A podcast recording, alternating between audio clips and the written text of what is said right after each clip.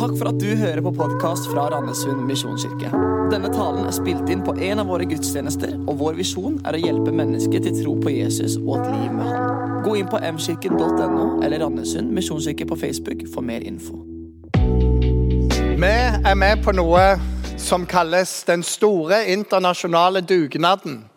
Der alle mer eller mindre skal være med og bekjempe dette covid-19-viruset. Det som er interessant, det er at eh, myndighetene gir oss en del direktiver. I tillegg så har vi våre tanker og våre handlemåter. Bare dra fram noen av de betente områdene akkurat nå. Hytter er vel noe av det som har fått mest overskrifter. Er det best at du er inne i byen i en liten leilighet, eller kan være oppå hytta di? Skal du belemre disse kommunene som da får altfor mye folk, eller hvordan skal dette være? Og meningene er mange. Og på alle sider føler folk at den andre parten svikter dem. Fotballmål har blitt lenka sammen, og vi har fått noe som vi kaller avstandspoliti. For at folk skal holde riktig avstand. Og med en gang noen ser at flere er sammen, så er det på sosiale medier og alt som er, hvor ille dette er. Noen svikter denne store dugnaden. Joggere er ingen unntak. Vi leser om folk som blir sinte på joggere, som jogger forbi, ikke holder avstand og tenker på seg sjøl. Jeg har en venninne som var ute og gikk, syntes dette gikk veldig bra. Helt til en jogger kommer forbi, bare tar en skikkelig klyse, og der kjente hun seg snytt for en god tur. Hun var rasende på ham. Og hva skal vi si om svenskene, vårt broderfolk, våre naboer? De tar det jo litt annerledes enn oss. De er jo vant med å være nøytrale når det er kriger, så kanskje de har tenkt sånn. Svenskevitsene florerer sånn som de skal gjøre med våre gode naboer. Og så er det noe med at vi blir litt sinte på dem, for de forstår dette. Men det er jo svensker. Kom igjen, det er våre naboer. Og disse sviketankene de har vært så mange og så harde at Bent Høiem flere ganger måtte gå ut og si at vi må være litt rause med hverandre. Vi må ikke kjefte på hverandre hele tida. Men vi kjenner det.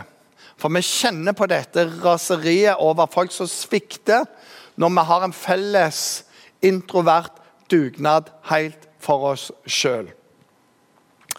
Og I dag så skal vi snakke videre i serien Mot korset. Og Vi følger Jesus på hans vei mot korset. Og I dag så er det nettopp svik som er i fokus. Svik, hva er det? Store norske leksikon sier det sånn.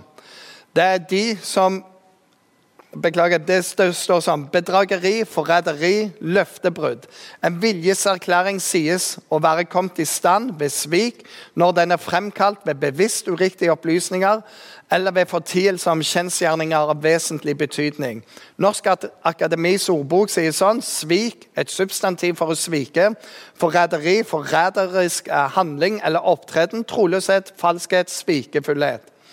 Og Victionary sier dette er tilfellet av at man går bort fra sitt ord, sitt løfte, sin tilhørighet.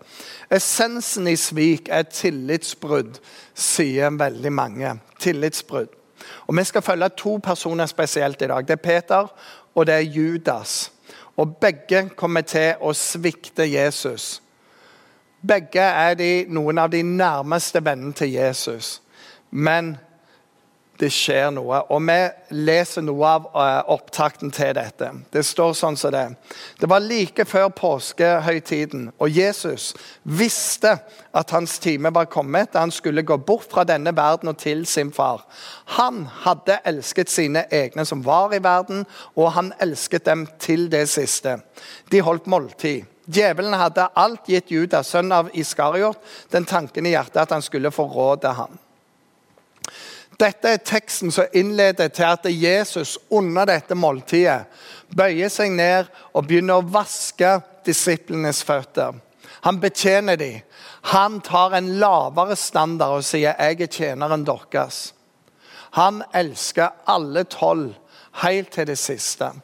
Og Det som er bemerkelsesverdig, det er at Jesus visste han skulle bli forrådt. Vi leser en annen tekst, og der står det sånn I den natt da Herren Jesus ble forrådt, han ble forrådt, tok han et brød, takket brød til sa, dette er min kropp som er for dere.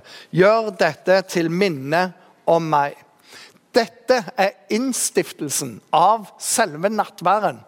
Og når Jesus deler ut og sier 'dette er min kropp', 'dette er mitt blod', så deler han det til Peter. Og han deler det til Judas.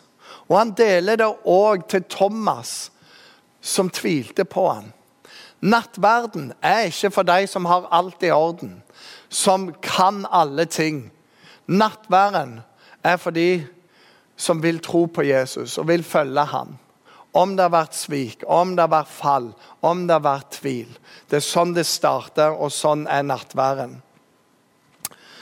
Og under nattværen så kaller han òg Judas for en venn. Altså, venn, gjør det du hadde planlagt. Men vi skal se først på Peter her, og vi leser videre. Da de hadde sunget lovsangen, gikk de ut til Oljeberget. Jesus sa til dem, dere kommer alle til å falle fra og vende dere bort fra meg, for det står skrevet, jeg skal slå gjeteren, og sauene skal bli spredt. Men etter at jeg har stått opp, skal jeg gå i forveien for dere til Galilea. Da sa Peter, om så alle vender seg bort fra deg, jeg gjør det ikke. Jesus svarte, sannelig, jeg sier deg, nå i natt, før hanen galer to ganger, skal du fornekte meg tre ganger. Men Peter forsikret, om jeg så må dø med deg, vil jeg ikke fornekte deg. Og det samme sa de alle. Jeg vet ikke hvordan jeg ville ha reagert hvis min beste kompis sa du vet du hva, Roy du kommer til å svikte meg. Du kommer til å banne på at du ikke kjenner meg i kveld. Jeg har sånn No way! For det er utenkelig. Men Jesus visste det, og han sa det. Og spørsmålet er så hvorfor sier han det til Peter? For det er jo litt heavy å få. Og vi ser i neste tekst at det er en grunn til at eh, Jesus sier det. Det står sånn Simon, Simon. Satan har krevd å få sikte dere som vet det. Så kommer det. Men jeg ba for deg at din tro ikke måtte svikte. Og når du en gang vender om, da styrk dine brødre. Peter sa, 'Herre, med deg er jeg beredt til å både gå i fengsel og i død.' Men Jesus svarte, 'Jeg sier deg, Peter, før hanen gal i natt, skal du tre ganger ha nekta for at du kjenner meg.' Og det er noe utrolig med Jesus. For hvis jeg visste jeg skulle blitt svikta av noen, så hadde jeg ikke vært helt der, tror jeg. Jeg bare ba for deg om at du skulle komme deg gjennom det. Hadde nok kjent på Hei, meg her. Jeg blir svikta. Men Jesus er ikke der på pity me, og alt handler om meg. For Jesus sitt fokus, det var å redde verden. Han sa en annen plass det er de syke som trenger lege. Jeg er kommet for å bringe legedom. Jeg er kommet for å gjenopprette. Jeg er kommet for å finne det som var tapt. Jeg har kommet for å frelse verden. Og Det var det dypeste. og Derfor var det viktig for han å si til Peter Jeg ba for deg om at du skulle komme deg igjennom det. Det var en eh, som fikk høre at kjæresten hadde tenkt å gjøre det slutt med ham. Og når han fikk høre det, så tenkte han ut en hevnplan. Og han gikk til hun før hun fikk komme til han. Og han slo opp med henne så det sang etter. Kalte henne stygge ting. Og hun satt og hulka og gråt. Og han brente alle broer til henne for resten av livet. Han gjorde det grundig. Etterpå fikk han høre at hun aldeles ikke hadde tenkt å gjøre det slutt med han. Faktisk var hun enormt glad i ham. Jesus har en annen tilnærming, bare at Jesus visste at de kom til å svikte. Så hva er, hva er min respons i sånne ting? For at Som kristen så har vi Jesus som forbilde. Han er den førstefødte blant søsken. Og akkurat som andre eldstebarn så ser vi som er mindre opp til dem, ønsker å ligne dem, ta etter dem. Og Jesus har dette målet både for Judas og for Peter og for Thomas og for de andre. At troen skal holde igjennom. At sviket ikke er enden. Men når et svik kan bli gjort opp, så kan det bli til en styrke i livet. Men hva med oss? For vi snakker om arvesaker. Vi snakker om økonomi som ikke ble rettferdig fordelt. Eller når du sitter igjen av konsekvenser for det som mange har vært sammen om. Du er den eneste som må betale for det. Eller svik i familier, relasjoner som blir brutt. Noen som bare ødelegger, som forlater. Når du har stilt opp for andre folk, stilt opp og stilt opp, og den dagen du trenger hjelp, så stiller ikke de opp igjen for deg. Eller du har hørt at din venn har latterliggjort deg bak din rygg. Hva da? Det er ikke lett å tenke som Jesus da. Da er det gjerne sånn at eh, da vil vi ha hevn. Men det beste våpen mot svik er som regel ikke hevn. Og det er der vi får lov å se Jesus. Men vi skal videre i tekstene, for vi ser på Peter nå går vi til Judas. Og det står i den neste eh, teksten. I det samme, mens han ennå talte, kom Judas, en av de tolv, og med ham en flokk som var væpnet med sverd og stokker. De kom fra overprestene, de skriftlærde og de eldste. Forræderen hadde avtalt et tegn med den. Den jeg kysser, han er det. Grip ham og før ham bort med sikker Og da han kom, gikk han straks bort til Jesus og sa, 'Rabbi'. Og så kysset han. Så la de hånden på ham, og han tok ham til fange. Da forlot alle ham og flyktet. En ung mann som var i følge med Jesus, hadde bare et linklede om seg. De grep ham, men han slapp linkledet og flyktet naken bort. Dette kysset kalles verdens mest kjente kyss.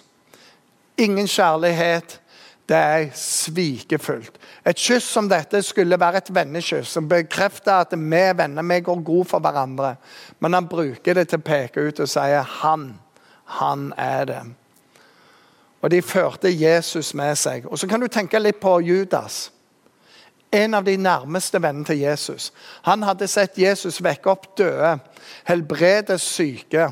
Han hadde sett Jesus i møte med andre folk som var nederst på rangstien. At Jesus møtte dem med enorm nåde, med tilgivelse, med gjenoppreisning. Og når de gikk vekk fra Jesus, så gikk de som et nytt menneske, fullt av håp, fullt av kjærlighet, fullt av takknemlighet. Og enda mer Judas hadde opplevd at det satt folkeskare og så på Jesus. Og så fikk han et stykke brød i hånda av Jesus, og Jesus velsigner det. Og så begynner Judas å bryte det. Og så bare vokser maten i hendene. Han går rundt og deler ut. Og han og vennene deler ut til 5000. Og det er bare så helt enormt. Han gjør mirakel fordi Jesus gjør det mulig for ham. Nå står han og sviker han med et kyss.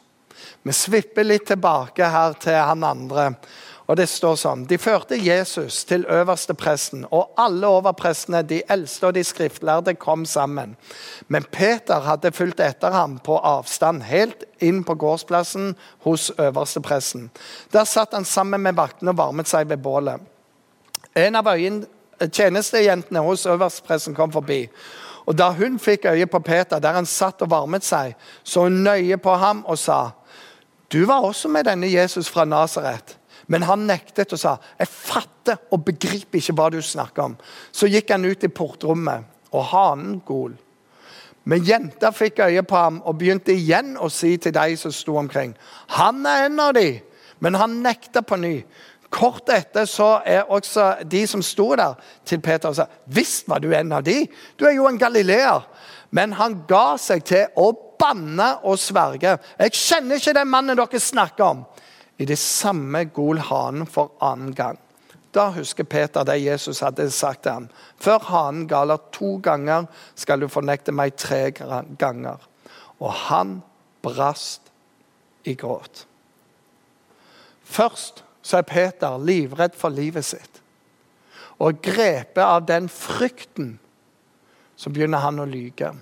Han som hadde lovt om jeg skal i fengsel eller om jeg skal dø, så kommer jeg aldri til å forlate deg. Han lyver så det renner av han, og han drar på en del gloser bare for å bevise at jeg er ikke i følge med han. Men han kommer til seg sjøl. Panikken er over, desperasjonen er over, og når halen gale, så slår hjertet inn. Jeg har svikta min beste venn. Og han angrer. Og vi ser at Judas angrer også, for det står Men da Judas, han som hadde forrådt ham, så at Jesus var blitt dømt, angret han og gikk med de 30 sølvpengene tilbake til overprestene og de eldste og sa:" Jeg synda da jeg forrådte en uskyldig og sendte han i døden. Hva angår det oss? svarte de. Det er din sak. Da kastet han pengene inn i tempelet og forlot stedet. Han gikk bort og hengte seg. Judas angrer, sånn som vi gjør. Veldig ofte angrer vi oss. Han prøvde å gjøre opp for seg. Han ville be om tilgivelse. Han ville prøve å unngjøre det han hadde gjort, men han fikk ikke lov. Og Resultatet er at han finner ikke nåde, han finner ikke håp, og han henger seg. Og For meg er det noe alvorlig der. Og det er når folk forbryter seg mot oss. Hva gjør vi? For vår respons har en konsekvens, ikke bare for oss, men òg for de andre.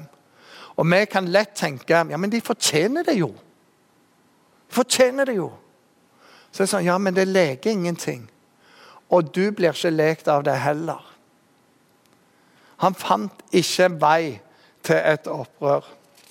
Forskjellen på Judas og, Jesus, eh, Judas og Peter at Peter han finner denne veien. Han er alene, han går vekk fra de andre. Men når Jesus står opp igjen, så møter han Peter, og de har en samtale. Og Vet ikke hvordan det er med deg, men jeg har det nesten alltid sånn hvis noen kommer til meg og sier Roy Elling, jeg vil snakke med deg om noe, automatisk så dukker det opp en tanke i meg. Jeg har gjort noe galt nå. Nå er det et eller annet, og det fyker tusenvis av tanker gjennom. Hva kan jeg ha sagt? Hva kan jeg ha gjort? Det står i Bibelen 'Den som snakker mye, synder lett'. Jeg snakker mye. Så Det bare fyker av gårde tanker. Og Som regel har jeg ikke gjort noe galt. Som regel vil de ha et råd, de vil lufte en idé, en tanke, et eller annet. Men tanken er der med en gang. Hva da med Peter? Når Jesus sier Peter, la oss ta oss en tur, bare du og meg. Og han vet han har gjort noe galt. Jeg hadde ikke vært mye eh, høy i hatten der. Men så er det noe med Jesus, og vi leser videre i teksten. Det står da de var ferdig med måltidet, så Jesus til Simon Peter. Simon, sønn av Johannes, elsker du meg mer enn disse? Han sier ikke 'Simon, sønn av Johannes'. Hvordan kunne du være så dum? Hvordan kunne du være så idiot? Men han sier bare 'Elsker du meg mer enn disse?' Og han svarer 'Ja, Herre, du vet jeg har deg kjær'. Jesus sier til ham Følg lammene mine. Igjen for annen gang sier han, Simon, sønn av Johannes, elsker du meg? Ja, Herre, du vet jeg har deg kjær, svarte Peter. Jesus sier, vær gjeter for sauene mine. Så sier han for tredje gang, Simon, sønn av Johannes, har du meg kjær? Han går ned et tak. Peter blir bedrøvet over at Jesus for tredje gang spør han om han hadde han kjær. Og han sa, Herre, du vet alt. Du vet at jeg har deg kjær. Og Jesus sier til ham, fø sauene mine. Tre spørsmål har Jesus. Hvorfor tre spørsmål? Vi aner ikke, men kanskje var det fordi han fornekta tre ganger. Og han får en oppreisning for hver gang. Elsker du meg? Elsker du meg? Elsker du meg? Og for hver gang han sier ja, så gir Jesus han et oppdrag istedenfor. Og hva førte dette til? Jo, det fører til at på pinsedag, når Den hellige ånd kommer, så leder Peter flokken. Og han taler Guds ord med frimodighet så mye at 3000 mennesker blir frelst den dagen. Peter blir den nye lederen for hele kirka. Han er den første og den fremste av apostlene. Et svik blei til en utrolig trofasthet, til en nidkjærhet og til et kall som var helt enormt radikalt. Det er det Peter blei.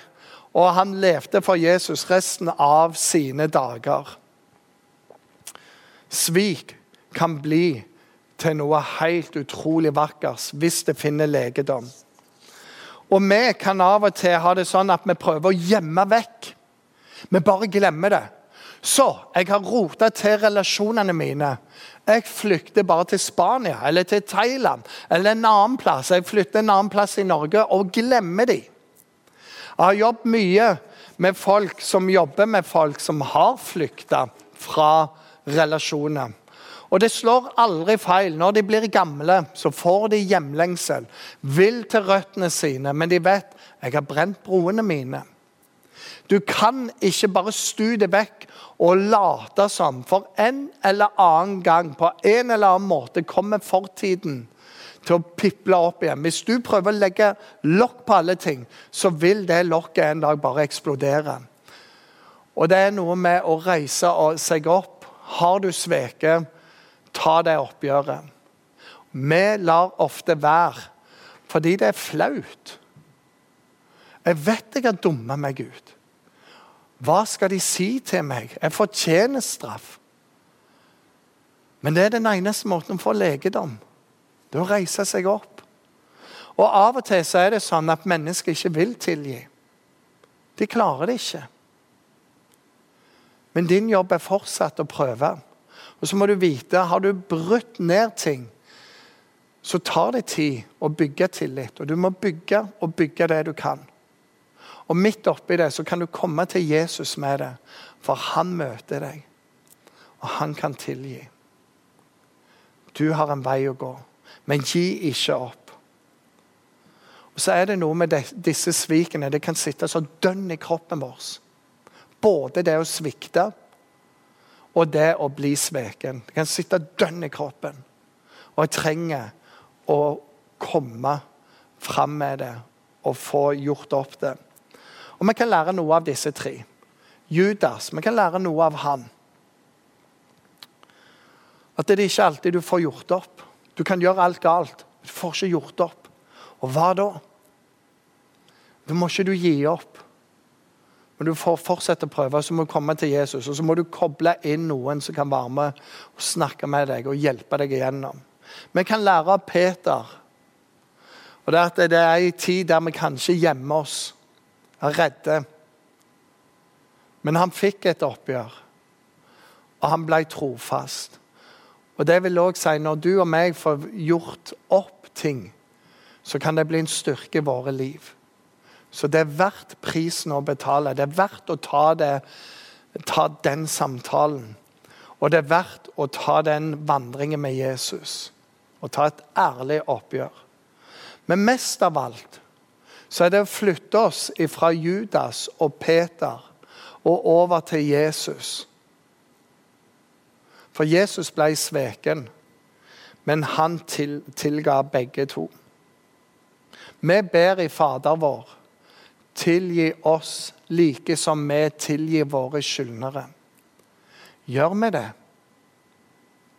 For det er ikke en følelse, det er et valg, og det kan være beintøft. Og tilgivelse det handler om å sette deg sjøl fri. At du sjøl får det bedre. I fjor så tørka jeg ved på enden av tomta mi. Og Det var et område der naboer satt tilhengere av og til, parkerte av og til. Og så var det bare sånn, Der var den beste plassen jeg kunne tørke veden. For der var sola god, vinden var god alt. Så jeg lødde alt opp, ganske så mye. Og En dag så kom en nabo ut og spør Gjør du dette her fordi du er så irritert på naboene at de parkerer? Og så var jeg sånn, Det hadde jeg ikke tenkt på, så jeg sa til han nei, jeg gjør jo ikke det. Jeg gjør det fordi en, det er ute av syne. Jeg har ei lita tomt. To, det er godt med sol. Tre, det er godt med vind. Her tørker det, så jeg får det inn til høsten. Og det med naboer og sånn, så sa jeg bare jeg trenger så mye nåde i mitt eget liv at det var det siste jeg ville tenkt på. Og Så ser han litt på meg. Ja, det er sant. Jeg trenger òg mye nåde. Og det trenger vi. trenger å være rause med hverandre. Jeg har lyst til å avslutte med historien om Le Miserable. Jeg har vært og sett eh, musikalen sjøl, men historien går sånn. Victor Hugo skrev boka som ble til denne musikalen. Og Den handler om Jean Valjean, straffange som forvandles gjennom en tilgivelse. Han fikk 19 års straffearbeid fordi han stjal brød for å bare mette seg. Han blir løslatt, og en biskop var den eneste som ville gi han husrom. Og Der så stjeler han familiesølvet og rømmer av gårde. Han blir arrestert av politiet, blir ført tilbake til biskopen. Og nå vet han det er ikke 19 år som venter, det er mye mer. Men biskopen han sier dette. Så der er du. Så fint å se deg. Glemte du at jeg ga deg lysestaken også, sier han. De er av sølv, og de er verdt 200 franc. Glemte du å få dem med deg? Og så gir han deg dem. Og Shan han står der med vidåpne øyne. Han stirrer på denne gamle mannen med et uttrykk som ikke var til å beskrive. Og det nakne møtet med denne mannen, med denne tilgivelsen, det endrer livet hans for alltid. Vi skal be i sammen. Himmelske Far, jeg takker deg for det. At alle skrifter som er i Bibelen, de er nyttige til opplæring, til trøst, til formaning. Og takker deg for denne teksten om svik, om bedrag. Den er òg en tekst om hvordan du møter oss. At du ser oss, at du vil frelse oss, du vil gjenreise oss. Jeg ber for oss. Her er vi som har sveket. Må du hjelpe at vi kommer til deg, og må du hjelpe oss å komme til de vi har forbrutt oss mot. Og be om tilgivelse, og gjør opp for oss og betale for oss. Og så ber jeg om at du må hjelpe oss å ligne deg når folk som har forbrutt seg mot oss, kommer til, til oss og ber om tilgivelse. At vi har din kjærlighet i oss. Det kan være ting som må ordnes, ting som må gjøres opp. Men at vi kan tilgi. Og vi kan vise din nåde. Og du hjelper oss. Og jeg takker deg, Jesus, for at det er sånn du har tatt imot meg, og det er sånn du tar imot oss alle. Med åpne armer. Du vil tilgi oss, samme hvilken bagasje vi kommer med. Du innstifta nattverden på denne måten. For en gjeng med svikere fra en gjeng med tvilere. Og så sier du 'Dette er min kropp. Dette er mitt blod'. Jeg takker deg, Jesus, for det gjør du. Du tar imot alle som kommer til deg. I Jesu navn. Amen.